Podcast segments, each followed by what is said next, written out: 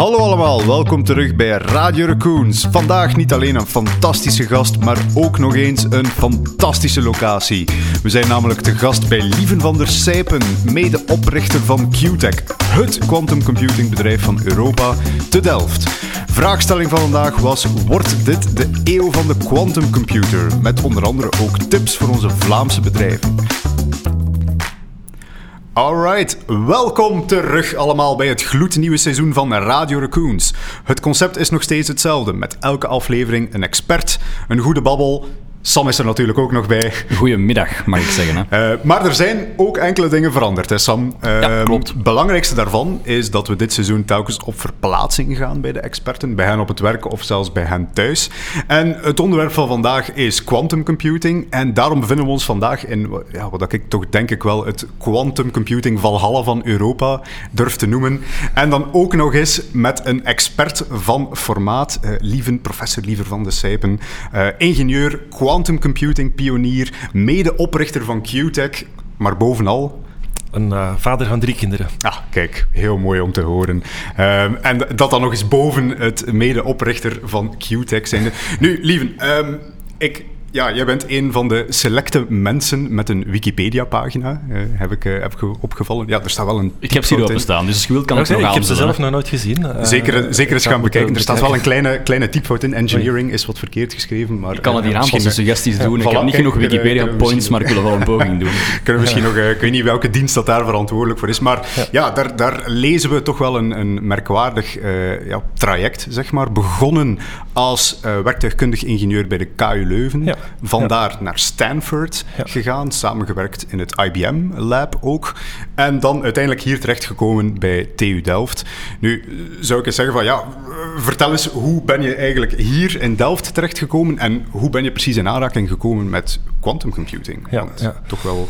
Wel, uh, ja, dus tijdens mijn studie in, in, in Leuven, ingenieurmechanica, was ik altijd al breed geïnteresseerd. Uh, ik was ook ja, boeken aan het lezen voor uh, geïnteresseerde jeugd over kwantummechanica mm -hmm. en wat het betekent voor ons wereldbeeld. En um, in het tweede jaar toen was er ook een vak kwantummechanica voor alle ingenieurstudenten. Um, veel studenten vonden dat uh, lastig of, of niet zo leuk, maar ik vond het geweldig interessant. En um, uh, ja, tegen het eind van mijn studies in Leuven dan wilde ik graag een jaar naar Amerika, uh, een andere wereld zien. En um, ik kon dan terecht op Stanford. Ik had toen het idee om vanuit de werktuigbouw um, mechanische systemen te bouwen. Kleine spiegeltjes, kleine rotortjes die ronddraaien ja. op een heel kleine schaal. Ja.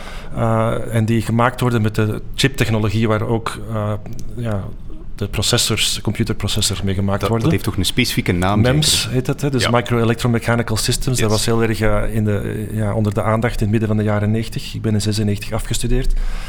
Dus met dat idee vertrok ik naar Stanford.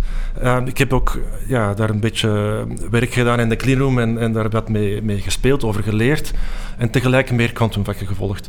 Okay. Um, voor mij was het geval dat naarmate ik meer snapte hoe, hoe je die MEMS-devices maakt, uh, dat de fascinatie een beetje verdween. Dan dacht ik van ja, oké, okay, nu weet ik eigenlijk ongeveer hoe het zit. Ja. En bij de quantum was dat niet zo. Um, ik leerde daarover en naarmate ik meer wist, werd ik meer gefascineerd, want er bleven weer nieuwe vragen komen. Zo, ja. zo werkte het voor mij. En ja, goed, ik ging in principe voor één jaar, maar in de loop van dat jaar heb ik beslist dat ik graag een doctoraat wilde doen. En dan uh, ja, ook, ook mij daar kandidaat gesteld en had ik de kans om daar te blijven. En, en dan heb ik dat, uh, dat gedaan. Ik ben dan op zoek gegaan in het begin naar een project waar MEMS en kwantummechanica samen, samen zouden komen. Mm -hmm. Dus dat je eigenlijk echt de kwantummechanica aan het werk zou kunnen zien in kleine mechanische objecten, spiegeltjes die heen en weer trillen. Ja.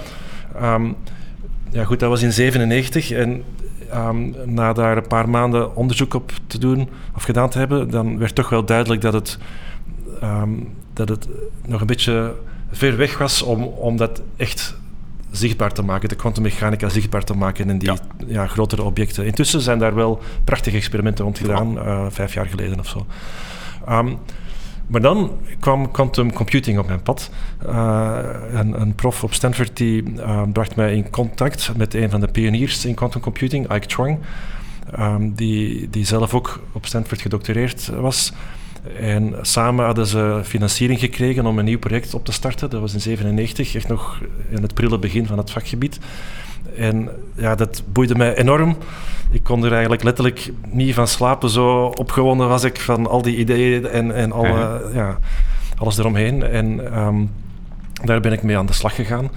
En ja, we zijn nu ruim twintig jaar verder en het, het blijft mij boeien. Um, en en uh, we komen nu ook in een nieuwe fase dat, dat uh, we meer en meer um, zien dat, we, dat, we, dat het echt gaat lukken. ja. Dus ja. Nu, u bent dus ook in Delft uh, beland. Nu, ik, ik, ik, volg het kwantumwereldje een beetje voor mij logisch uh, dat, dat, u, dat u neerstrijkt in Delft. Uh, maar ja, voor de mensen die iets minder informed zouden zijn, waarom precies Delft en hoe precies in Delft terechtgekomen? Ja, okay, ja, inderdaad. Dus de volgende stap was dan, ja, wat doe ik na mijn doctoraat? Um, tegen die tijd had ik toch wel beslist dat ik graag naar Europa wilde terugkeren. Ik heb mm -hmm. echt een super tijd gehad in, in Stanford. Dus, een mooie plek, een mooie omgeving, ambitieus klimaat en, enzovoort. Maar ik voel me toch alles samen meer thuis in Europa. Uh, de maatschappij, uh, hoe ze ge georganiseerd is. Mm -hmm. En, en um, ook nu ik terug, of nadat, ja, vooral eigenlijk nadat ik ben teruggekomen, heb ik ook heel erg uh, gewaardeerd dat ik mijn familie en vrienden vaker kan, kan zien. dus dat was één aspect. En dan een ander is, um, ja, in welk vakgebied ga ik verder? Uh, ik had ook voor mezelf beslist om door te willen gaan in de wetenschap en dan welk vakgebied. Um, ja, zoals gezegd, ik was heel gebeten door de quantum computing, dus daar, zou ik zeker mee voort willen gaan. Maar de aanpak die ik had gevolgd op Stanford om quantum bits uh, aan te sturen en er eerste experimenten mee te doen, die, die, die, was wel succesvol, maar dat was ook een doodlopend straatje waarbij we niet veel verder kunnen, zouden kunnen komen. Okay. En, en dus zocht ik naar een manier om op een, naar een andere manier een quantum bits te bouwen waar, waar echt uh, toekomst in zat. En, um, en voor mij, wat mij erg trok, was het idee, het idee om quantum bits te bouwen, ook weer gemaakt op met technologie die gelijkaardig is aan de computerchips van vandaag. Ja. Dus gebaseerd op halfgeleidertechnologie, uh, silicium. En um, in die halfgeleider fysica-experimenten die, die in de goede richting lagen, was Delft duidelijk een toonaangevend centrum in Europa. Uh, bovendien een uur rijden van Antwerpen, waar ik ben opgegroeid. En uh, ja, dus heb ik daar uh, gesolliciteerd en kon ik daar beginnen. En daar heb ik geen spijt van gehad. Ja kan ik uh, zeker en vast geloven. Nu, ondertussen Delft ook een beetje, uh, ik heb het nu al een paar keer naar gealludeerd, uitgegroeid tot wel, ja, echt wel een leidend centrum in Europa, zo niet de wereld, uh, op het vlak van quantum computing. U heeft daar dus mee aan de basis van gestaan. De basis, moet ik zeggen, die, is, die, die gaat verder terug. Dat gaat terug naar midden van de jaren tachtig, toen, toen Hans Mooi hier voor het eerst de kwantummechanische effecten zichtbaar maakte op, op chips, speciaal mm -hmm. ontworpen halfgeleiders, supergeleiderstructuren. Okay. dus daar is echt de basis gelegd. En dan um, andere collega's, uh, Kees Dekker en, Leo Kouwenhoven, die hebben daar weer prachtig onderzoek op, op uh, verder gebouwd. En ik ben dan aanvankelijk bij Leo Kouwenhoven als postdoc, tijdelijk onderzoeker, uh, begonnen. En, en twee jaar later, als ik aan het rondkijken was om, om ergens mijn eigen lab te gaan opstarten, dan kreeg ik de gelegenheid om, om in Delft mijn lab op te zetten. En dan ben ik dus met dat onderzoek verder kunnen gaan in Delft. En, en ja, inderdaad, het, de, de basis die gaat al lang terug. Uh, en en um, wat ik heel um, aantrekkelijk vind aan Delft en, en, mij ook steeds hier heeft gehouden, is dat, dat het een plek is die zich blijft vernieuwen. Um, mm -hmm. Dus de, de fysica die nieuw was in de jaren 80 is niet meer nieuw in de jaren 90 en niet meer nieuw in de jaren 2000 enzovoort. En dus vanuit onze historie zijn we ons telkens blijven vernieuwen en het vakgebied blijven in nieuwe richtingen duwen. En, en het is voor mij heel um, ja, heel leuk en interessant geweest om daar onderdeel van te zijn en, en mij, ja, ook, ook mijn eigen bijdrage te, te, te leveren aan het, aan het onszelf blijven uitvinden. Ja, oké, zeer mooi. Nu, we hebben, we hebben het woord al een paar keer laten vallen nu eh, ondertussen. Quantum, quantum computing. Uh, ik geef zelf ook presentaties over quantum computing. En ik vind het altijd interessant om voordat we in de, de we het zeggen, een beetje de bloederige ingewanden van de quantumcomputer gaan kijken. Uh, Zo bloederig zijn ze niet. uh, wel, als je het wilt uitleggen aan iemand, uh, ik, ik, heb ooit eens commentaar gekregen omdat ik het om, primfactorisatie uitlegde en, en dat ik daar de termen priemgetallen had gebruikt mhm. en uh, factorisatie ook. dat, dat was wiskundig al een beetje te, te veel voor sommige mensen. Dus daarmee zeg ik de, de, de, iets wat bloederige ingewanden. maar voordat we dus praten over ja, het, het wat en het hoe van quantum computing, vind ik het altijd eerst interessant om te, te praten over ja, het waarom van de quantumcomputer. Dus stel, u moet een quantumcomputer of u wilt wat funding voor uh, uw, uw, labo. Uh, u pitcht quantum computing aan een politicus. U mag het woord quantum niet gebruiken, want dat begrijpt u toch niet. Waar, waar, waar focust u dan op? Wat is de belofte eigenlijk van een quantum De belofte uh, is, is, het is een computer die in staat is om problemen op te lossen die ten eerste belangrijk zijn, mhm. heel belangrijk zijn, en ten tweede met alle bestaande computers vandaag, zelfs supercomputers, niet kunnen opgelost worden. Ja. dus dat is, en, en, en wat zijn dan die belangrijke problemen? Um, het gaat om problemen om bijvoorbeeld het gedrag, de eigenschappen van moleculen en materialen te, uit te rekenen. En dat klinkt als ver van mijn bed en waarom is het belangrijk? Maar het is eigenlijk enorm relevant, want als je dat kunt, zet je ook in staat bijvoorbeeld om het ontwikkelen van nieuwe geneesmiddelen uh, te versnellen, om, om te kunnen voorspellen welke uh, effecten, welke interacties het potentieel geneesmiddel zal hebben met de moleculen, uh, ja. de, de, de, eiwitten in je, in uw lichaam. Zet je in staat om misschien efficiëntere batterijen te ontwerpen, om een materiaal te ontwerpen wat supergeleidend is, wat zijn elektrische weerstand verliest, wat dus zonder verliezen elektriciteit over grote afstanden kan, kan verplaatsen, bij kamertemperatuur. Over, um, kun je, kun je um, betere katalysatoren ontwerpen, waardoor uh, scheikundige fabrieken, chemische fabrieken veel efficiënter kunnen werken enzovoort. Dus, dus de impact is uiteindelijk heel breed, hè, van, van onze gezondheid tot uh, het klimaat- energievraagstuk. Ja. En, en uh, ja, dat, is, dat is de grote verwachting. Um, de toepassingen die ik nu noem, die zijn eigenlijk gekend. We weten dat de quantumcomputer daar geschikt voor is. Yes. En daarnaast, zoals met alle nieuwe technologie die, die ontwikkeld wordt, verwachten we ook dat er nog toepassingen zullen zijn die we nu nog niet voorzien, of nog niet kunnen voorzien. Hè. Dus uh, dat, dat zal moeten blijken. Maar, maar alleen al met hetgeen dat we nu weten, zou ik durven stellen dat het iets, iets is wat een heel grote impact kan hebben, positieve impact kan hebben op onze samenleving. Ja, om, om misschien eventjes te illustreren, ik, ik uh, herinner mij een slide van IBM, als ik mij niet vergis, waarin ze spreken over het proces waarin kunstmest ja. wordt geproduceerd. Ja. En daarin halen zij ook aan de limieten van onze huidige supercomputers zijn structuren, moleculen van acht atomen of zoiets, als ik begrepen had. Dus belachelijk weinig natuurlijk, zeker uh, als, als we het vergelijken met de organische chemie. Uh, ja, waarom zijn onze supercomputers daar zo slecht in? Uh, ja, we, zouden dat verwachten. Heeft dat heeft eigenlijk alles te maken met het feit dat, dat de moleculen en de atomen zich gedragen volgens de wetten van de kwantummechanica.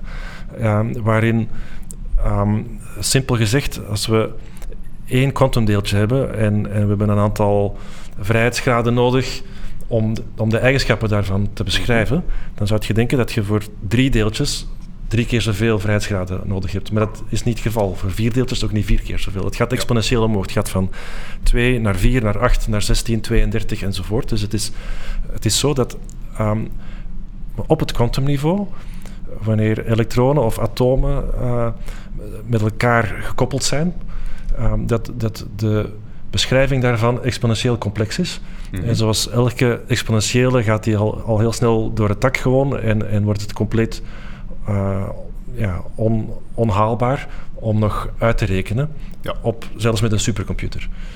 Met een quantumcomputer um, kun je dat eigenlijk um, toch oplossen, die problemen, omdat de quantumcomputer zelf ook die quantumcomponenten ja. heeft en dus die exponentiële complexiteit in zich heeft. En als, als we er dus in slagen om de, de exponentiële complexiteit, kracht die aanwezig is in de quantumcomputer te mappen, te vertalen naar het probleem waar we meer grip op willen krijgen, dan zijn we uh, in business. En, en, dat is dus theoretisch uitgewerkt dat dat kan. Ja. Uh, en, en, inderdaad, uh, kunstmest is ook, ook een mooi voorbeeld. Daar gaat een heel, heel groot deel van onze ons energieverbruik vandaag gaat daar naartoe. Kunstmest heeft ook een grote impact op het milieu. En dus naarmate we erin slagen om, om daar uh, ja, nieuwe, nieuwe uh, kunstmest te ontwikkelen die, die, die daar uh, deze nadelen niet heeft of minder heeft, zou het ons zeker helpen. Ja, ja. nu, het is ook die, die kwantumchemie, als ik het ja. Allee, de, de, de echte oorsprongen zijn soms wat, wat te schimmig, maar ik ken mij Richard Feynman, die, die oorspronkelijk eigenlijk het, uh, met het idee afkwam. Oorspronkelijk is, is altijd een, een, een, moeilijk woord natuurlijk, maar met het idee afkwam van: goh, tja, interessant. Uh, moesten we eens een computer kunnen bouwen met die kwantumprincipes, ja, dan zou dat ja, wel heel interessant zijn ja, om ook kwantumsystemen te gaan bestuderen. Ja, ja, dat was zijn grote visie, begin en, van de jaren tachtig, is wat zo, dat betreft. Ja, Zo geschieden. Uh, nu, ik, ik, ik, moet alvast zeggen, dat, dat vond ik zelf bijzonder interessant om te lezen op de website van QTech. mijn origineel aanrakingspunt uh, met quantum computing is, als ik mij niet vergis, een artikel in EOS. Uh, ik meen me te herinneren dat ik nog een heel klein mannetje was, waarin beschreven werd dat men voor het eerst met een quantumcomputer het priemgetal, uh, het getal 15, zeg maar, gepriemfactoriseerd had. En nu leer ik dat u daar blijkbaar de persoon achter geweest bent die dat verwezenlijk heeft. Nu, ja, ik, ik vind dat zelf een fantastisch... Allee, dat, dat was voor mij enorm... Uh, want dat was een enorme verwezenlijking uh, enerzijds. Toch wel een heel interessante verwezenlijking. Uh, maar tegelijkertijd ook ja, voor de om het nu eventjes cru te zeggen, de, de gewone man zou daar misschien wel zeggen van, is het dat maar, hè? 15. Ja, ja, Nu, in welk jaar was dat precies? 2001. 2001, kijk, ja, dan was ik negen jaar oud. de, de EOS, ik, ik, las het nog voornamelijk voor de prentjes op dat moment. Ja, sowieso wel leuk om, om te horen dat, dat je dat toen al ja, gelezen hebt en enthousiast door gemaakt. Ja, het, het was, ik, ik weet nog, toen was het, was het zoiets van... Oeh, uh, dit, dit is iets speciaal. Ik, ik, ik, ik, kan mij enorm vinden in uw uitleg van eens ik uh, allez, uh, met MEMS begonnen, eens ik dat begreep, was ik er wat op uitgekeken. Maar quantum computing is een soort ja, eindeloos vat momenteel toch nog een ja. beetje waar, dat we, waar dat we in alle richtingen konden uitgaan. Ik had toen ook al het gevoel van hier zit meer achter. Uh, dat, dat, zo is de fascinatie voor, voor het kwantummechanische destijds een beetje begonnen. Nu, en, ja. tegelijk klopt het natuurlijk wat je zegt. Hè. Dus, dus enerzijds was ik, en, nog steeds ben ik heel blij met het experiment, hè, om, omdat we daar toch hebben laten zien dat we zeven van die quantum bits in de greep mm -hmm. hebben kunnen krijgen uh, en, en voldoende hebben kunnen controleren om, om ze door de stappen van dat algoritme, dat bekende algoritme van Peter Shor, uh, uh, om, om, om ze die stappen te laten nemen. Maar tegelijk, ja, dat, dat, uh, dat het antwoord drie keer vijf was, dat, dat wisten we natuurlijk. en, um, maar goed, um, er vallen twee dingen over te zeggen. Je moet, moet, natuurlijk ergens beginnen, maar verder zijn we nu wel echt in een nieuwe fase gekomen, waarin we meer en meer het vooruitzicht hebben dat we niet alleen maar kleine demonstraties, um, toy problems kunnen uh, aanpakken, maar dat we ook ja, het zien aankomen dat we er echt belangrijke problemen mee kunnen gaan, gaan oplossen. En dat is voor mij heel motiverend. Ik ben van in het begin uh, geïnteresseerd geweest door de fundamentele kant in combinatie met het vooruitzicht dat er toepassingen uit zouden kunnen voortkomen. En, en ja, als, als je dan doorheen de jaren met dat fundamentele onderzoek bezig bent, dan, dan zijn die toepassingen altijd zo'n ja, in, in, de verre toekomst aanwezig en dat blijft u motiveren. Maar nu wordt het tastbaarder. Het, het, ja. het, het hele gevoel begint toch wel um, ja, te veranderen, dat het echt gaat, gaat kunnen gebeuren. En, en dat is ja, wel, wel uh, super. En aan, wat, aan wat ligt dat dan? Wat ik van. Aan wat ligt dat dan dat, dan, dat het nu dan plots gebeurt? Of ja, aan het gebeuren is? Om, omdat we nu toch als, als uh, vakgemeenschap op een punt komen dat we voldoende aantallen quantum bits in de greep kunnen krijgen dat, dat de complexiteit daarvan eigenlijk al niet meer te volgen valt met een supercomputer. Ja. Er was bijvoorbeeld een, een uh, ja, bekend experiment voorbije herfst, uh, een, een uh, publicatie van een team in, in Google, um, die 53 quantum bits hadden samengezet. een specifiek type, supergeleidende quantum bits noemen wij ze. En um, hebben laten zien dat, dat geen enkele supercomputer meer kon uitrekenen wat die quantum bits aan het doen waren. Ja. Nu, de quantum bits zelf, die waren iets aan het doen wat op zichzelf compleet irrelevant is, namelijk zichzelf aan het uitrekenen in feite. Ja. Er werd letterlijk een random sequentie instructies naar de quantum bits toegestuurd. Die quantum bits gingen die uitvoeren en er kwam een random uh, eindtoestand uit en die hebben ze gemeten. Ja. Ja, dat is en niet... het was random. En het was, het was random. zoals verwacht. zoals verwacht was het random. Uh, ze hebben ook checks gedaan natuurlijk. Ja, want kijk, die 53 quantum bits oké, okay, je krijgt een random resultaat, maar de mhm. verdeling van de mogelijke uitkomsten die is in principe voorspelbaar. Met 53 quantum bits was dat eigenlijk nog moeilijk te doen. Google claimde dat het uh, eh, 10.000 jaar zou, zou vragen. IBM kwam dan met, uh, met het argument dat ze het ook op een paar dagen zouden kunnen. Maar in elk geval, um, neem niet weg, belangrijk, belangrijke mijlpaal om, om zoveel quantum bits met zo'n grote controle ehm, eh, te kunnen aansturen.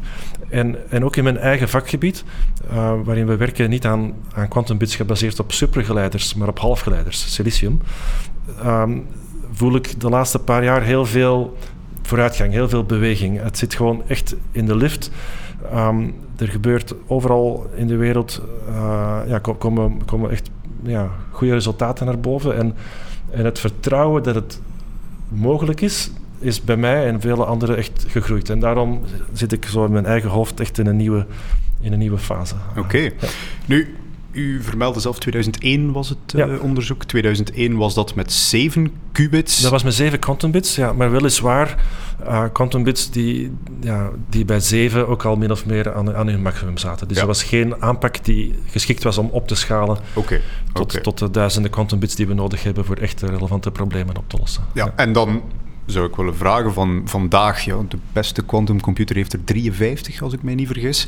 Uh, het lijkt op het eerste zicht niet zo'n indrukwekkende vooruitgang. Ja, um, ja. Sorry als ik even bloed, zweet en tranen van 20 jaar oh, moet. Uh, als, ik, als, ik, uh, als ik in 2001 had geweten waar we nu zouden staan, dan was ik er misschien nooit aan begonnen. Dus wat okay. dat betreft is, is het herkenbaar van waarom gaat het niet sneller. tegelijk, als ik terugkijk naar de hele evolutie die we hebben doorgemaakt, alles wat we hebben geleerd uh, op, op weg tussen dat, dat experiment toen met 7 quantum bits en de huidige experimenten met de verschillende aanpakken, ja, dan hebben we echt heel veel, heel veel geleerd. En, um, en, en belangrijker dan het aantal waar we nu zijn, is het toekomstperspectief wat je ziet. Yes. En dat is voor mij heel erg uh, anders nu dan toen. Oké, okay, dus ja. um, het, is, het is vooral ja, dus het perspectief op de ontwikkelingen. Dus ja. u denkt, uh, binnen 20 jaar zijn we niet met, met, als we dezelfde sprong nu nog eens maken, met bijna 100 qubits, maar u denkt misschien al... Ja, ja, absoluut. Dus, dus wij denken echt uh, ja, in, in een logaritmische schaal of een exponentiële schaal. Dus dat we niet van 2 naar 3 naar 4 naar 5 naar 6 gaan, maar van 2 naar 4 naar 8 naar 16 naar 32 uh, en dan op een gegeven moment ook grotere stappen maken. Niet van 32 naar 64, ja. maar naar 500 of zo. Of, uh, okay. dus, dus op, die, op die manier wordt er wel gedacht door ons en ook door, door anderen. De, ja. dus, dus om die stappen te maken, moet je telkens um, ja, nieuwe problemen die je bent tegengekomen kunnen oplossen. Mm -hmm. en, en daar gaat het eigenlijk meer om. Dus um, van 65 naar 66 qubits kom je geen nieuwe problemen tegen. Ja. Maar van 65 naar 300 misschien wel, of misschien niet. Maar van 65 naar, naar 3000 zeker wel. Ja. En dat is omdat je op elk moment probeert de, snel, de snelste route te volgen tot het volgende doel. Ja, ja, ja. En, en die route, daarin maakt je um, gebruik van bepaalde shortcuts die je niet meer kunt nemen ja. wanneer je naar het volgende doel gaat. En dat betekent dat je dus weer nieuwe oplossingen moet bedenken, nieuwe aanpakken moet ontwikkelen. Um, en daarbij hoort ook verkeerde keuzes maken. En dat doe je niet expres, maar die, toch onvermijdelijk. Um, en dan moet je weer een andere route proberen. En, en gaandeweg uh, komen we zo verder. Maar er wordt wel in grote stappen gedacht. Ja, ja.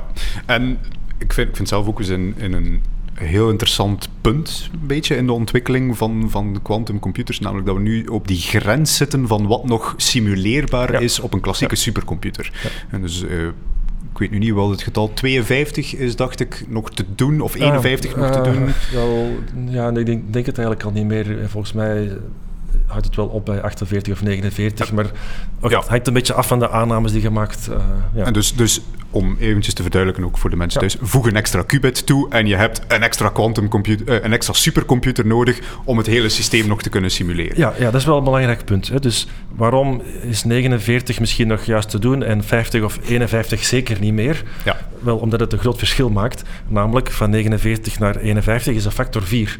Ja. En heel simpel. Dan zou het bijvoorbeeld zomaar kunnen dat de toestand van die 49 quantum bits nog in het geheugen van uw supercomputer past en die van 50 niet meer. Ja. Dus dan is één bit het verschil tussen wat haalbaar is en wat niet haalbaar is. En dus ook echt een ver verdubbeling, een verdubbeling, of een, ja, een verdubbeling ja, van de hoeveelheid uh, resources die nodig zijn om klopt. het hele... En, en, dan, en dan kun je wel heel hard werken en de supercomputer tien keer krachtiger gaan maken. En dat gaat ook gebeuren. Ja. Als je vier quantum bits toevoegt, dan kan hij het ook weer niet meer aan. Hè? Dus, dus zo, zo gaat is dat een mogelijk obstakel eigenlijk? Is dat, is dat nu een moeilijkheid die jullie ondervinden van, goh, we doen hier werk, maar we kunnen het niet meer klassiek verifiëren? Um, of, of... Ja, in die, in die zin wel ja en nee. Hè? Dus, dus um, het is een obstakel dat je niet meer kunt verifiëren, maar ook natuurlijk een goed teken. En um, er is al veel over nagedacht hoe we dan toch kunnen ervoor zorgen dat we vertrouwen hebben in de uitkomst van zo'n quantumcomputer. En dat, dat gebeurt voor een stuk door extrapolatie. Je laat je voert tests uit met 10 en dan met 20 en met 30 en met 40 en dat werkt allemaal goed.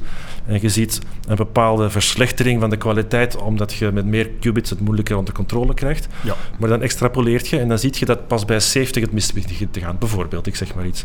dus op die manier probeert je er vertrouwen in te krijgen. We hebben ook in de, in de wetenschappelijke community systematische tests ontworpen om, om ehm, ja, vertrouwen te krijgen in het goed functioneren van een quantumcomputer.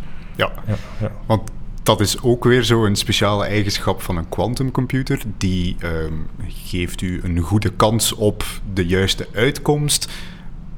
Maar het is ook niet zeker. Uh, het is, Wel, het is een... um, ja, hangt af van het probleem. Er zijn sommige problemen waar een uitkomst uitkomt en dat is de uitkomst. En er zijn andere waar je met een bepaalde kans de mhm. goede, het goede antwoord krijgt. Ja. In, in, in het laatste geval is het zo dat het dan om problemen gaat waar je makkelijk de uitkomst kunt verifiëren. Ja. Um, het, het, vinden van de primfactoren van grote getallen is een voorbeeld. Um, als ik uh, een getal aan het, uh, als ik 91 uh, probeer te ontbinden in zijn, in, zijn, in zijn primfactoren en er komt uit 8 en 13 en ik vermenigvuldig ze, dan zie ik, ah, het was mis. Ja. En dan probeer ik het nog eens opnieuw en dan, kom ik, dan krijg ik 7 en 13. En nu klopt het wel, want 7 maal 13 is 91. En wat belangrijk is, is dat de kans om het goede antwoord te krijgen uh, groot genoeg moet zijn en niet snel moet afnemen. En dat is ook allemaal uh, ja, wiskundig netjes aangetoond. Ja. ja. Dus de oplossing is dan gewoon het programma meerdere keren draaien en ja. statistiek erop laten uitvoeren en zien welke... Wel, ja, hangt er vanaf, ofwel statistiek of, of bij problemen waar je je antwoord kunt verifiëren, verifieert je het. en als het juist is, dan zijn je klaar en anders probeert je het nog eens. Inderdaad, dus dan, dan gewoon blijven berekenen tot het eens klopt. En dat is beter dan gewoon alle mogelijkheden uitproberen. Zeker. Oké. Okay. Uh, u sprak ook al van een zekere moet zeggen, maturering van het quantum computingveld. Een beetje wegstappend van het absoluut wetenschappelijk experimentalisme. Nu, ik, ik heb zelf onlangs een bijzonder interessante talk uh, gehoord van ja, een, een collega slash landgenoot, uh, ja. professor Koen Bertels, als ik me niet vergis. Ja. Uh, en, en ik vond dat zelf enorm interessant. het was een hele goede presentatie, maar die man claimde dus volledig onbewust ignorant te zijn van alles wat met kwantummechanica te maken had. Uh, want, want die zat een abstractieniveau hoger, zeg maar. Ja. En, en, die, die, die was eigenlijk al niet meer bezig met, uh, met het manipuleren van qubits enzovoort. Die, die, die hield zich daar wel verder. Dus ja, we zien dus ook al dat er lagen bovenop het Absoluut, simpele computatiemodel gebouwd worden.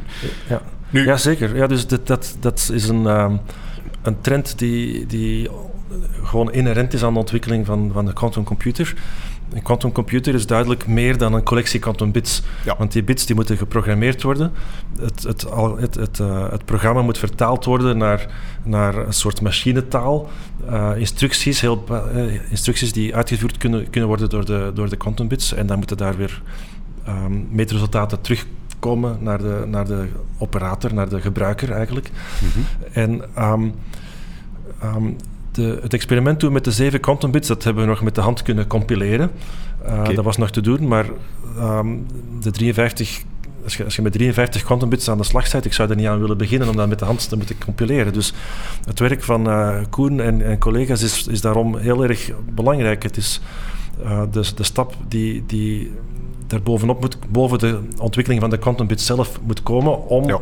een bereikbaar systeem uh, op te leveren. En uh, we hebben daar in het verleden wel eens, heb ik er wel eens grapjes over gemaakt. Hè. Dus één perspectief is dat wij Koen nodig hebben om onze quantum bits te kunnen uittesten.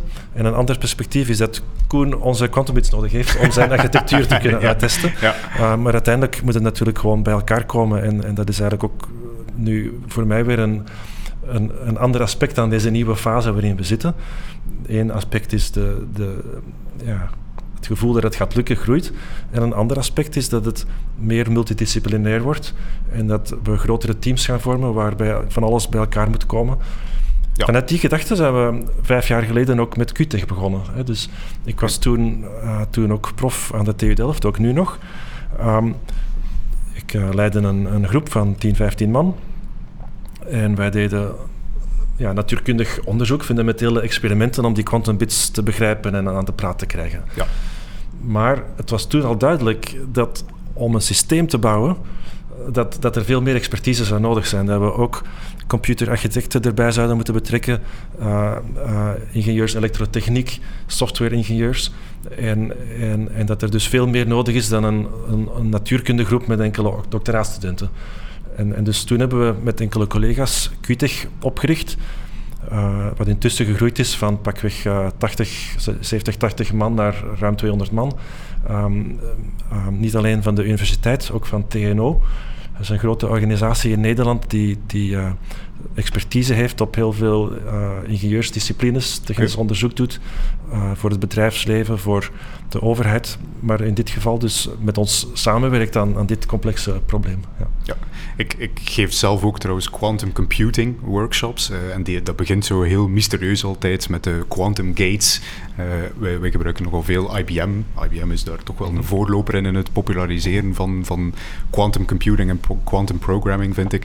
Begint heel heel mysterieus van dan gaan we die gates aan elkaar plakken, gaan we daar uh, algoritme mee maken. Maar ik eindig dan met uh, de, de absolute anticlimax, want er bestaat ook een, een Qiskit Aqua en daarin zitten functies zoals solve traveling salesman problem. en die vertaalt het dan in de backend helemaal naar ja, ja. een algoritme dat effectief uiteindelijk ergens op een quantumcomputer gaat runnen. Ja, maar dus de abstractie zit al zodanig hoog dat we eigenlijk gewoon in Python één enkel kunnen gaan callen en, en in de backend gebeuren er dingen waar die waarschijnlijk uh, ja. 10, 20 jaar geleden nog manueel uh, zat ja, uit te voeren ja, op een computer.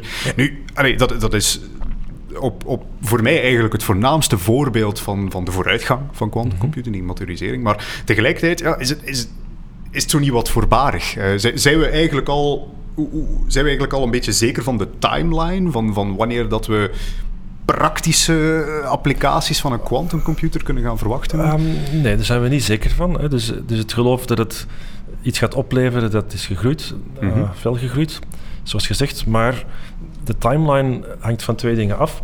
Ten eerste, hoe, hoe snel kunnen we grotere aantallen quantumbits in de greep krijgen met, met een hoge mate van controle? En, en um, en ten tweede, hoeveel quantumbits hebben we nodig om relevante problemen op te lossen? Mm -hmm. En we hebben voortgang, wat mij betreft, hebben we voortgang nodig langs twee kanten. Enerzijds, ja, dus letterlijk meer quantumbits bouwen, maar anderzijds erin slagen om nieuwe toepassingen, nieuwe algoritmes te ontwikkelen, waardoor we met een kleiner, kleiner aantal quantumbits ook al relevante problemen kunnen oplossen. Ja. He, want om, om maar even uh, te schetsen waar we het over hebben. Er is nu een experiment gedaan met 53 qubits. Hoeveel quantumbits hebben we nodig om een om, om RSA te kraken. Hè? Dus het, het wijdverspreide ja. uh, encryptiesysteem wat gebaseerd is op het feit dat het moeilijk is om grote getallen uit elkaar te trekken in hun primfactoren. Wel, um, de, er is een groot aantal. Als je perfect, perfecte qubits had, dan zouden er een paar duizend of tienduizend zijn of zo. Maar, maar hè? quantum bits zijn niet perfect. Wat bedoel ik daarmee? Um, een, een quantum systeem, de spin van een elektron, de toestand van een atoom, de toestand van zo'n klein supergeleiderend circuit, is enorm fragiel in de zin dat um, kleine verstoringen, kleine stoorsignalen uit de omgeving al heel makkelijk tot fouten kunnen leiden. En dat is anders dan de, de bits in de huidige processors. Die zijn uh, 0 of 1. Alles mm -hmm. boven, weet ik veel, 2,5 volt noemen we 1. Alles beneden de 2 volt noemen we 0. En daar zit een grote marge op. Als, als ja. de 0 0,5 wordt, dan is het nog altijd... Of 0 volt wordt 0,5 volt, niks aan de hand. Het is nog altijd een 0.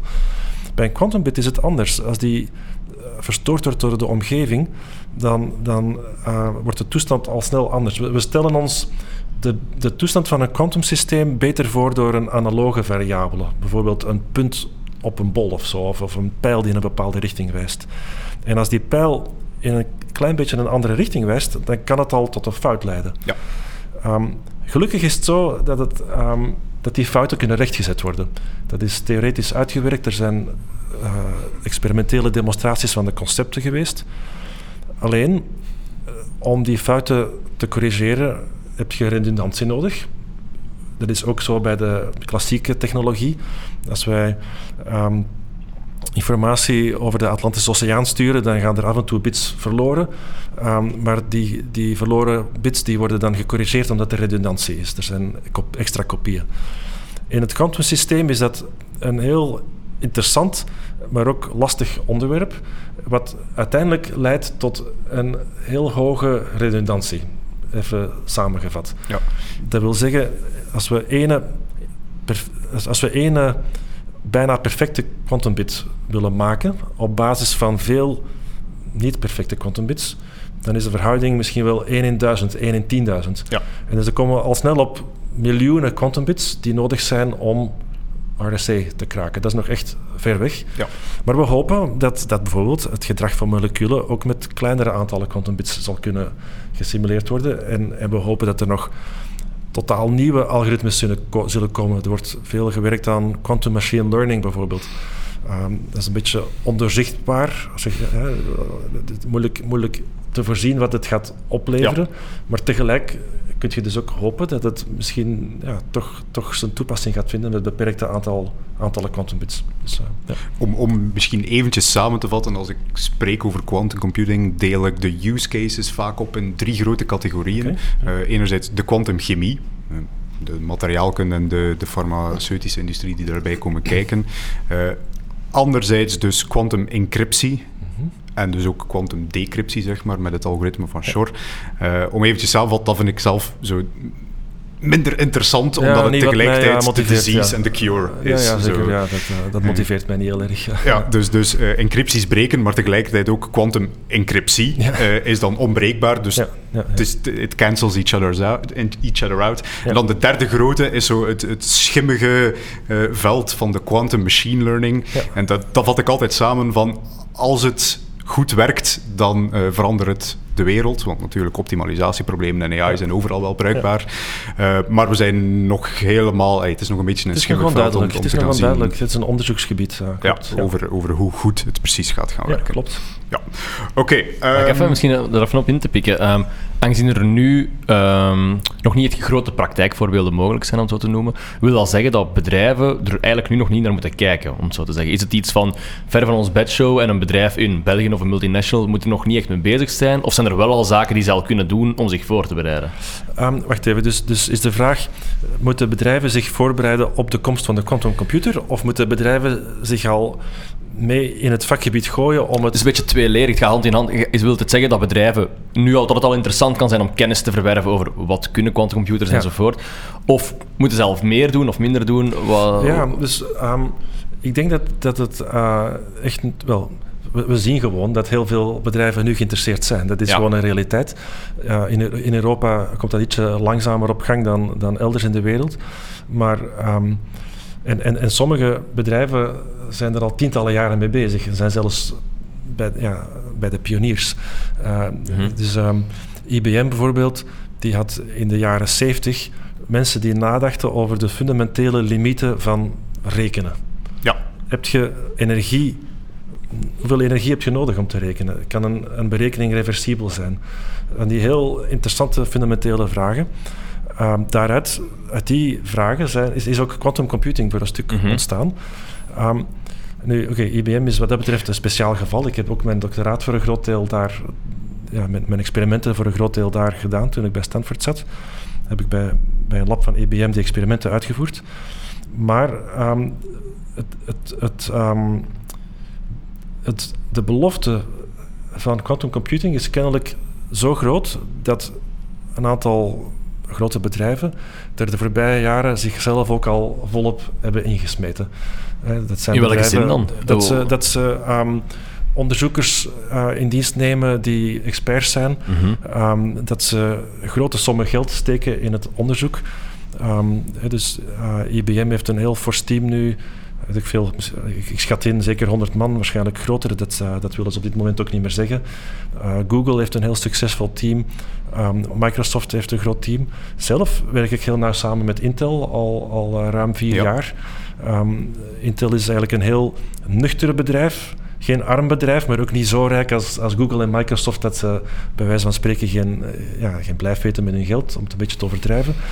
Um, maar um, zij, zij zien dat het een, een uh, heel krachtig, in potentie een heel krachtige technologie is. Ze zien ook dat ze vanuit hun expertise iets kunnen bijdragen. En, en dus vijf jaar geleden zijn ze, waren ze actief op zoek, vijf, zes jaar geleden, om, om een intern programma op te starten en mhm. om dat te doen in samenwerking met een universiteit. En ze zijn de hele wereld uh, langs gegaan, als het ware, of, of aan, ja, aan, het rondkijken geweest. Op een gegeven moment kwamen ze met, met mij in gesprek. En uh, ja, heel snel hadden we een wederzijdse klik, dat we um, ja, voelden dat we elkaars inbreng waardeerden en zochten. Ik was, het grappige is, ik was eigenlijk op hetzelfde moment op zoek naar een, een grote speler uit de halfgeleiderindustrie. Ja. Om, om um, mee te helpen betere quantumbits te maken dan we ooit zelf zouden kunnen in een universitaire omgeving. En dus wij kwamen op het goede moment in, in contact met elkaar.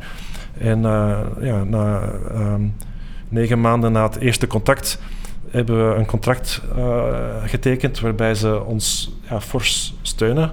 50 miljoen voor een tienjarige samenwerking, wat voor een universitaire groep buitengewoon veel geld is. Maar bijna interessanter nog voor mij is dat in het, in het partnerschap ze ook hun eigen technologie inbrengen. Dat we toegang krijgen tot hun mensen, tot hun know-how. Dat we experimenten kunnen uitvoeren op hun samples die ze in hun grote cleanrooms uh, maken. En, en dat maakt het heel erg uniek. Ja. Uh, en en uh, ja, daar ben ik wel heel enthousiast over. Want dat zijn vooral, sorry, even een vraag af te maken, want dat zijn dan vooral de grote technologiespelers, hè, de IBM's, Microsoft enzovoort. Maar bijvoorbeeld een grote farmaspeler in België bijvoorbeeld, is het nuttig dat zij zich al beginnen verdiepen, informeren? Want natuurlijk, één keer als de grote doorbraak komt, is het nogal stom als ze dan pas beginnen in te zien wat het nut is. Ja, ja klopt. Goeie, goeie, goed punt. Hè. Dus er zijn inderdaad de, de bedrijven die mee de ontwikkeling van de technologie kunnen voor elkaar krijgen. En dan mhm. zijn er de eindgebruikers. En daar gaat het natuurlijk om. Zonder mhm. de eindgebruikers zet je niks met een technologie. En um, ja, ook dat wordt nu al, al uh, meer en meer relevant. Ja. Um, partijen als als IBM die hebben een heel actief beleid om potentiële eindgebruikers bij hun uh, activiteiten te, te betrekken. Uh, wij zijn daar ook meer en meer mee bezig. In Nederland zijn uh, bedrijven als Shell geïnteresseerd. Die hebben een paar mensen die daar mee over nadenken en samenwerken met, met mensen uit de Universiteit van Leiden, met ons. Um, ja, diverse bedrijven die, die in potentie gebruiker kunnen zijn, die, die tonen interesse en we proberen dat ook we proberen hen ook te benaderen en, en daar, daar um, ik, ik, denk dat het niet te laat is. Sorry, niet te vroeg is. Uh, Want als je een tip zou kunnen geven aan de bedrijfsleiders, CIO's, CEO's, whatever, van de grotere bedrijven, ik zal nu België als voorbeeld nemen, wat zou die tip zijn?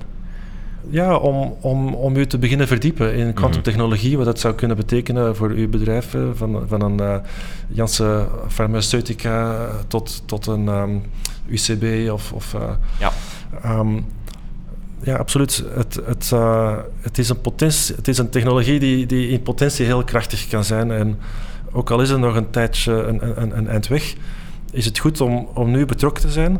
Niet alleen om klaar te staan, maar ook om, om die verwachting mee waar te maken. Want zonder input van de, de farmaceuten en de chemiebedrijven of de biotechbedrijven over de relevante problemen um, is het voor ons ook moeilijker om op de goede manier uh, ja, ons, ons eigen werk te sturen. Dus die, uh, wij doen het niet voor onszelf. Ja. We, doen, we doen graag wat we doen, maar uiteindelijk doen we het omdat het ergens uh, een impact kan hebben. En, en dus de, ik, ik, zou, ik zou dus inderdaad de, de grote bedrijven aanraden om, om nu enkele mensen vrij te maken die, die daar mee aan de slag kunnen en die, die de potentie mee kunnen gaan verkennen. Um, ja. Tof om te horen, want dat is ook een beetje wat dat, wij, wij hebben dus ook een, een, een quantum bedrijfje opgericht, omdat we daar dus ook wel de potentie van in zijn QNTM. Ja. Uh, en een van die dingen die ik dus ook doe, uh, als, als medeoprichter daarvan, is bedrijfsleiders proberen overtuigen. Vandaar dat Sam ook uh, de vraag gesteld heeft. Waarschijnlijk op zoek naar goede tips. Een goede one-liner op social media ja, als ik ja. zoeken. Dus uh, bij deze gevonden. Mijn, mijn, mijn best line daarin is, is door te zeggen van kijk, zeker in België.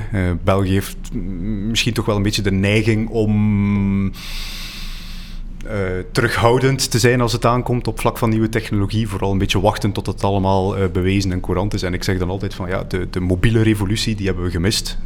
De kracht van een smartphone. Ja. Dus nu gaan wij allemaal naar Coolblue. Geen betere manier om een Vlaming of Belg te, uh, te activeren natuurlijk dan de vergelijking te maken met Nederland. En nu gaan we allemaal naar Coolblue en bol.com. ja, met quantum computing lijkt het een beetje dezelfde kant uh, uit te gaan. Ik denk niet dat wij in België ergens een quantum computer draaien hebben of Draaiend hangen hebben. hebben. Nee, dat, uh, niet, dat niet. Maar er, er wordt wel, uh, wel degelijk onderzoek gedaan naar quantum computing in, in, in België. Ja. Um, en, en, een, een studievriend van mij uit Leuven is, is Frank Verstraten. Mm -hmm. Die nu uh, prof is in Gent bijvoorbeeld. In, um, in Leuven is uh, IMEC ook uh, een, een stevig team aan het opzetten om halfgeleider quantum bits te, te, ontwikkelen. Um, dus, dus het, en, en zijn er, er, zijn nog andere collega's, ook, ook bij de ULB bijvoorbeeld. Um, maar ja, alles samen is de, de omvang van de, van de activiteit nu tamelijk beperkt vergeleken met sommige andere landen. Dat is zeker waar. Ja. ja. Nu, ik wil nog eventjes inzoomen uh, voor nog eventjes over de, de, de, samenwerking met Intel natuurlijk, maar daarvoor, uh, u gaf het zelf al aan, van u doet specifiek onderzoek naar het gebruik van halfgeleiders ook, uh, bij, bij het maken van die befaamde qubits. Um, als ik eventjes mag samenvatten, dus een qubit is mag eigenlijk eender wat zijn als het maar superpositie kan vertonen en kan verstrengeld worden met andere exemplaren. Misschien moeten we wel even die concepten kaderen, superpositie ja, en ja. verstrengeling. Ja, ja dus um, uh, David DiVincenzo, die toen bij IBM was, die heeft, heeft um, vijf criteria opgesteld okay. uh, eind van de jaren 90. Um, en dat heeft het vakgebied veel geholpen. Hè, want, want, dus er was toen het algoritme van, van Shor voor primfactoren te vinden in 1994. Dat heeft een enorme interesse gewekt. Um, en dan ging elke, uh, elke natuurkundige die iets deed met kwantumsystemen zich de vraag stellen: ah, misschien kan ik ook wel quantumbits bouwen. Maar ja, wat moeten ze dan kunnen? Ja. Oké, okay, ja. dus om te beginnen, uh, wilt je een kwantumsysteem waarin je duidelijk twee toestanden kunt aanwijzen die onderscheidbaar zijn en die je kunt gebruiken om de 0 en de 1 van je bit voor te stellen. Ja.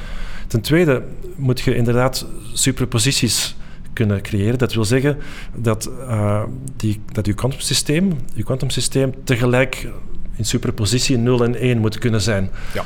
Dit klinkt een beetje vreemd misschien. Dit is eigenlijk het punt waarop mijn vader altijd afhaakt en zegt: uh, oh, nu, nu snap ik het niet meer. Volgens mij bedoelt hij vooral, ik geloof het niet. Ja. Omdat we ons dat moeilijk kunnen voorstellen. Ja. En, en het grappige is, ik werk hier nu uh, meer dan twintig jaar aan. Als ik er echt over nadenk wat het betekent, dan vind ik het ook nog altijd raar. Maar in de dagelijkse praktijk zien we dat het werkt. Shut up and calculate. Shut up and calculate in de woorden van, van Feynman, dat werkt gewoon. En goed, we gebruiken dan taal om te beschrijven wat er gebeurt. En, en het, het, het, het beeld wat ik vaak gebruik, en velen vaak gebruiken is een quantum bit is dan 0 en 1 tegelijk. Ja. En daardoor kunnen we dus ook rekenen op quantum bits die in meerdere toestanden tegelijk zijn. En daar komt dan die exponentiële kracht vandaan. Want, Oké, okay, goed, even terug naar het verhaal. We moeten kunnen superposities creëren van de quantum bits. We moeten ze individueel kunnen aansturen. We moeten ook twee na, ja, naburige quantum bits met elkaar kunnen verstrengelen. Dat wil zeggen, we moeten ze uh, elkaar kunnen laten beïnvloeden. Mm -hmm. Wat de ene wat er gebeurt met de ene moet kunnen afhangen van de andere. Er moet een interactie zijn. Ja. En verstrengeling is een specifieke, specifieke vorm van superpositie, waarbij twee deeltjes samen in een superpositie terechtkomen, die heel speciaal is. Uh, namelijk, die superpositie, die, die verstrengelde toestand, kan op geen enkele manier beschreven worden als dit is de toestand van mijn ene deeltje apart en dat is de toestand van mijn ander deeltje apart. Een, een voorbeeld van een verstrengelde toestand is de toestand 0-0 in superpositie met 1-1. Ja. Dan zou je denken, oké, okay, dat is eigenlijk dus 0 en 1 tegelijk voor de ene bit en 0 en 1 tegelijk voor de andere bit. Maar dat is niet zo. In, in, als, als ze elk afzonderlijk 0 en 1 tegelijk zijn, zijn ze samen 0, 0, 0, 1, 1, 0 en 1, 1 tegelijk. Maar ja. niet 0, 0 en 1, 1. Dus dat is een verstrengelde toestand. Dat is nodig. Ten derde moet je je quantum bits kunnen uitlezen. Als je klaar bent met rekenen, moet je het eindresultaat kunnen uitlezen. En tenslotte is het van belang dat die superpositietoestanden, die verstrengelde toestanden, voldoende lang bewaard blijven, dat die niet te snel verstoord worden door de omgeving. Want zodra dat gebeurt, zet je eigenlijk met klassieke bits aan het rekenen en heb je geen ja. speed-up meer. Ja. Ja. Dus dat is die uh, befaamde decoherentie, is ook de reden waarom dat 90% van het volume van een quantumcomputer eigenlijk gewoon een koelkast is.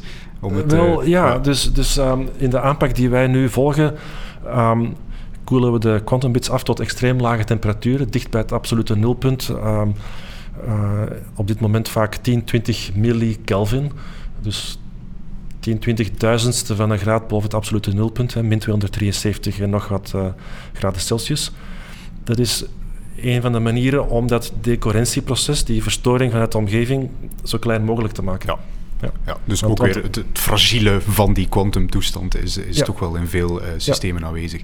Nu, als ik praat over quantum computing, hetgeen dat de mensen soms nog het meest verbaast, is als ik zeg van ja, de de architectuur of de transistor hebben we op dit moment nog niet gevonden. Er zijn meerdere approaches. Eh, dus u bent bezig met de spin van, moet, moet ik goed ja. opletten, atomen of elektronen? Elektronen, ja. Elektronen, spin van ja. elektronen als fundamentele eenheid.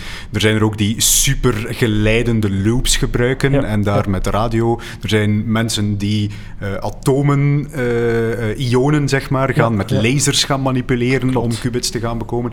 Er zijn precies wel wat aanpakken en we weten nog niet momenteel wat de juiste is vandaag. Ja, Correct? dat is waar. Dat is waar. Um, er, wat wel duidelijk is, is dat er uh, sommige aanpakken al zijn afgevallen. Hè, bijvoorbeeld de aanpak die ik heb uh, gevolgd voor mijn, voor mijn doctoraatsonderzoek, mm -hmm. met als uitkomst 15 is 3 x 5. Ja. Hè, die, die aanpak, dat was toen al, ja, werd toch al wel duidelijk, dat, dat was leuk, dat was succesvol, ja. maar het zat aan zijn grenzen, dus die is afgevallen.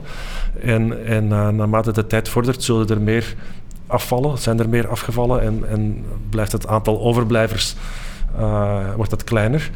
Um, uiteindelijk zou het helemaal niet slecht zijn. Integendeel, als er meer dan één aanpak blijkt te werken. Okay. Te werken in de zin van all the way naar een machine met genoeg quantum bits om belangrijke problemen op te lossen.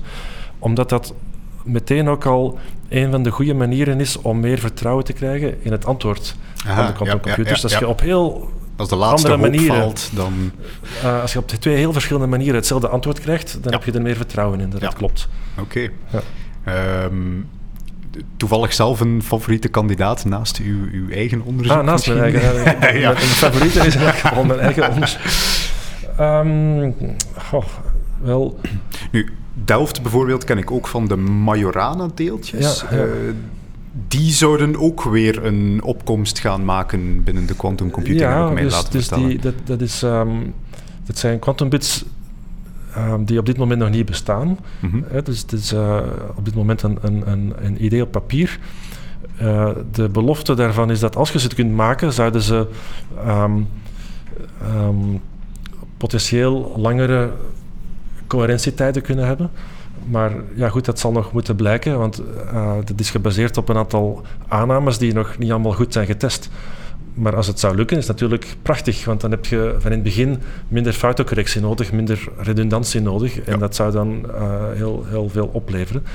Maar dat staat dus nog in een, in een heel fundamenteel uh, stadium. De, de fysica verkennen en proberen al een paar jaar om voor het eerst een quantum bit te kunnen bouwen manipuleren, uitlezen. Ja. ja. U, u, zit wel al wat verder natuurlijk. Dus u sprak ook al over de samenwerking met Intel. Uh, ja, u, uw onderzoek focust zich op het gebruik van halfgeleiders. Intel natuurlijk heel geïnteresseerd. Ja. Intel waarschijnlijk ook al langer bekend met kwantumeffecten bij het produceren van ja, hun chips. Klopt, zij, zij hebben tot nu toe natuurlijk jarenlang geprobeerd om kwantumeffecten te onderdrukken. Te vermijden, ja, inderdaad. inderdaad. Maar dus ik vermoed dat, dat dat dus ook wel een beetje drijft, dat dat een, een wederzijds um, ja, voordelige samenwerking ja, is. Absoluut. Zeg maar. ja, ja, zeker. Um, dus, dus Intel gebruiken zij zaken die zij leren nu ook om klassieke processors te gaan verbeteren? Of, dat denk ik niet op dit moment. Redelijk, uh, in elk geval, dat is mij niet bekend. Als het was, ja. dan zouden ze het mij misschien ook niet zeggen, maar het zou mij, het zou mij wel uh, verbazen. Okay. Um,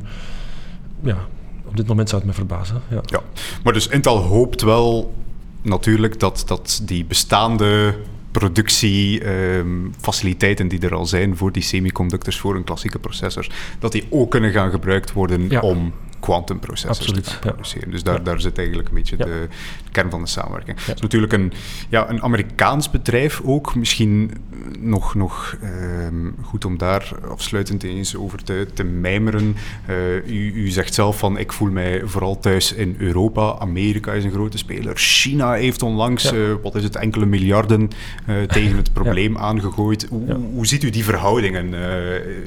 heeft Europa iets te zeggen in het quantum computing Wel, of? kijk, om te beginnen zegt het natuurlijk wel wat dat Intel um, na eerst uh, op diverse plekken in Amerika uh, ja, op zoek zijn te gaan. Uh, op zoek gegaan te zijn, of zeg je dat? Ja. Ze waren afhankelijk op zoek, neem ik aan, dicht bij huis.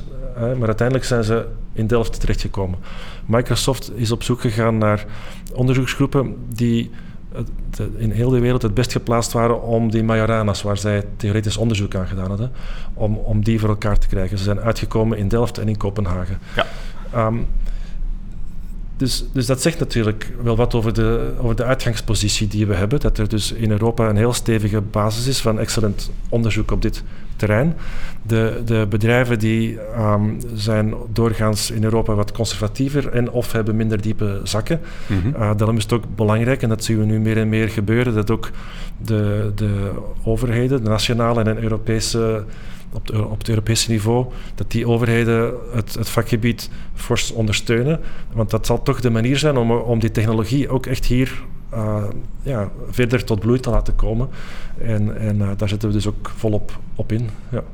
Ook altijd als ik uh, presentaties geef aan bedrijfsleider, uh, het teken dat vandaag de dag is om, om echt wel met quantum computing te beginnen, is dat zelfs de Europese Unie in gang geschoten is en dus uh, geld op tafel heeft gelegd voor uh, quantum computing onderzoek. nog niet dus, genoeg, maar dat zal misschien nog komen. Ja, voilà. bij, deze, toch, bij deze. Het is toch een, een, redelijk substantieel bedrag al. Ik dacht een miljard euro, Wel, of ja, een miljard dus, euro aan beloften misschien. Is, um, ja, dus ze hebben een aankondiging gedaan over een quantum flagship. Hè, een miljard, mm -hmm. een half miljard moet van de lidstaten komen en een, een half miljard van Europa. Oké. Okay, ja en dan over tien jaar, dus dan gaat het eigenlijk over 50 miljoen per jaar, verdeeld over vier technologieën, quantum computers, quantum internet, quantum sensing, quantum uh, simulaties. Uh, Oké, okay, dus 50 gedeeld door 4 komen we op 12,5. Zo wordt mm -hmm. er gedacht. Ja. 12,5 miljoen uh, voor quantum computers over heel Europa. Ja, kijk, het is welkom, maar het gaat niet ja. echt het verschil ja, maken. Dus het moet, toch, moet toch echt nog op een andere manier gedacht worden, op een andere schaal gedacht worden om echt, echt impact te hebben. Oké. Okay. Ja. Nu, om finaal af te sluiten, uh, ik heb het bewust een beetje ontweken. Uh, de kwantummechanica, de, de spook onderaan ja. de, de werking van die quantumcomputer. nu niet om te filosofisch te, te gaan, maar dus we hebben het daar straks al gezegd, shut up and calculate is lang zo een beetje de, de leidende filosofie geweest onder wetenschappers als het aankomt over quantumcomputing. Denkt u zelf soms na over wat betekent dit eigenlijk allemaal? Of, of bent u ook eerder pragmatisch ingesteld um, en denkt u daar liefst niet te veel over na? Al, allebei, um, maar, maar, allebei in zijn eigen context. Ja. He, dus, ja. dus ik zei helemaal in het begin van het verhaal al dat ik als kind heel erg, of tenminste als, als tiener heel erg geboeid was door boeken van Gerard Podifé en zo over, mm -hmm. over wat de kwantummechanica betekent voor ons wereldbeeld. Hè. Over, over vragen zoals bestaat toeval of, of ja. van die belangrijke ja. conceptuele of, of, filosofische vragen. En, en dat blijft mij nog altijd heel erg uh, boeien. Um, in mijn onderzoek ben ik heel pragmatisch, dus het echt shut up en calculate. Ja. Um, sommige wetenschappers die kunnen heel verhitte discussies voeren over Sommige, sommige wetenschappers zijn heel boos op mij bijvoorbeeld voor het feit dat ik eruit heb gezegd dat een superpositie betekent dat een bit 0 en 1 tegelijk is. Die zeggen nee, nee, het is niet 0 en 1 tegelijk. Er zijn many worlds en dit en dat. Ja, ja, ja, ja, en, ja. en ik ga niet zeggen dat ze ongelijk hebben. Ik ga ook niet zeggen dat ik gelijk heb. Het is gewoon een beeldspraak. En voor, voor mij is de ene beeldspraak niet waardevoller dan de andere. Het zijn beeldspraken. En het wordt een natuurkundig experiment wanneer de twee leiden tot verschillende voorspellingen voor experimenten die je kunt uitvoeren en ja. kunt testen. Hè. En, ja. en zo was er een heel belangrijke discussie tussen Niels Bohr en Albert Einstein in de, in de eerste helft van de 20e eeuw over die superposities. Ja. Einstein die, die geloofde het niet, tot zijn dood niet eigenlijk. Die zei, een superpositie beste Niels Boor, betekent dat de bit ofwel 0 is ofwel 1. Het ligt al vast. Het is, het is in de sterren geschreven, alleen weten we het niet. Ja, de hidden variables. Uh... wel, en dan... Ja, precies, hidden variables, ja, inderdaad. Dus, dus uh, het, het, is nog niet onderdeel van de quantumtheorie. Die ja. vertelt ons nog niet of de bit 0 of 1 is, maar ergens ligt het al vast, hidden variables. Um, Bohr en anderen die zeiden wel, nee, het is, het is echt zo dat tot een meting die bit 0 en 1 tegelijk kan zijn. En pas op het moment dat we meten, dwingen we die om een keuze te maken. Oké, daar hebben ze denk ik veel over gepraat met een goed glas wijn, of ik weet niet wat ze dronken, of, of, of whisky of bier. Um, maar uh, pas toen John Bell in 1960 inzag, vanuit de wiskunde, hoe die twee scenario's in een experiment konden gescheiden worden, dan werd het weer een, een wetenschappelijke ja. hypothese die kon getest worden. En die is getest. Inequality theorem. De Bell, Bell's inequalities ja. is voor het eerst getest uh, in Parijs uh, rond 1980, begin van de jaren 80. Um, en, en, een paar jaar geleden waren er um, experimenten hier in Delft en, en, onafhankelijk op twee andere plekken, waarbij die, die, die, die Bell's inequalities op de meest overtuigende manier ooit zijn getest. En, en dus steeds komt daaruit dat de hidden variables in elk geval zijn uitgesloten. Ja. En, en goed, wat dat dan wel betekent, daar, kunnen we ook, daar zullen we ook nu nog bij de, met een goed glas wijn met plezier over kunnen verder praten. Maar dat is voor je naam misschien. dat is voor de volgende podcast. ja, voilà. maar, maar ik ben vooral... Uh, ik zou het fantastisch vinden als op, op een gegeven moment er een een, een, voorstel komt voor een experiment om die verschillende interpretaties van elkaar te onderscheiden. Ja. Dan, hè, dan is het weer op. Dan wordt het zinnig eigenlijk. Uh... Wel, dat andere is ook, ook ja. zinvol, omdat het nodig is om, om, om, ja, om de gedachte te vormen en, en, en om de vraag te stellen. Want anders gaat je nooit op, een, op zo'n hypothese komen als je eerst niet die discussie hebt. Ja. Maar maar, maar het, wordt weer, het komt weer op mijn terrein als het ware, wanneer het wordt vertaald naar een experiment, wat de twee scenario's kan onderscheiden. Misschien nog een aanrader voor uh, de mensen thuis. Ikzelf bij een glas wijn s'avonds. Uh, ik drink nu al geen wijn, maar uh, Sean Carroll, u misschien bekend, is een ja, toch wel een theoretisch fysicus die veel praat over kwantummechanica. en ook een aanhanger van Everett's Many World Theorem. Mm -hmm. okay. heel eloquente spreker ook wel. En die YouTube staat vol uh, met filmpjes van die man, heel aangename stem ook, ja. waarin dat hem toch wel op redelijk begrijpelijke manieren praat over de basis van kwantummechanica. Ja, vind ik zelf okay. immens interessant. Ja. Maar inderdaad, dat is een volledig andere podcast. uh, als we, het is als ook we ons begrijpelijk, daarin... is heel relatief, komend uit de mond van iemand die op zijn negen jaar uh, gepassioneerd was door de ontdekking van iemand omtrent de factorisatie van het 15. is, het, is, het is echt wel... Uh, allee, die, die, die man verdient er zijn boterham mee met, ja. met ja, wetenschapspopularisator ja, te zijn. Naast zijn, ik denk dat hij bij Caltech professor is, naast, zijn, naast zijn job ook.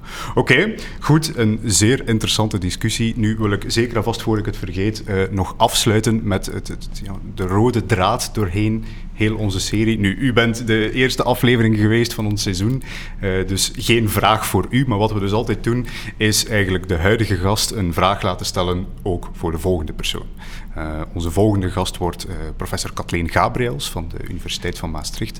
Zij houdt zich bezig met computerethiek. Um, is er iets waarover wij moeten praten met dokter Kathleen Gabriels, uh, professor Kathleen Gabriels? Ja, absoluut. Uh, wat, wat, wat mij betreft voor de hand ligt, is om te praten over quantumcomputerethiek. Dus ja. de, de ja. computer bestaat al lang. Er zullen zeker ethische vragen zijn, ook met de hele AI-ontwikkeling. Um, maar quantum ja, biedt weer nieuwe mogelijkheden, waarbij ook weer nieuwe ethische vraagstukken naar boven komen. En ik ben ervan overtuigd dat, dat het belangrijk is om niet te wachten tot de technologie er is, maar om, om ook al vooraf erbij stil te staan. Wat is de mogelijke impact en, en hoe kunnen we de technologie zo ontwerpen en, en organiseren dat, dat de positieve impact zo groot mogelijk is en de negatieve impact die met elke technologie er kan zijn, uh, beperkt blijft.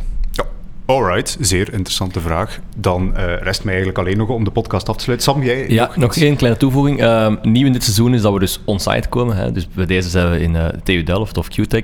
Um, ongetwijfeld staat er hier een aantal ruimtes verder een quantumcomputer. Voor de mensen die naar YouTube kijken, ga ik nu de vraag stellen: mogen we suite even samen met jou naar daar gaan en een aantal beelden filmen die we nog kunnen toevoegen aan de opname? Absoluut, heel welkom. Voilà, ik, fantastisch. Ik, ik dus ga bij deze... alvast wel al zeggen, ik heb zelf ben hier ooit al eens geweest, hier in, uh, hier in QTech. En toen vroeg mij ook van, wil, je eens de quantumcomputers zien?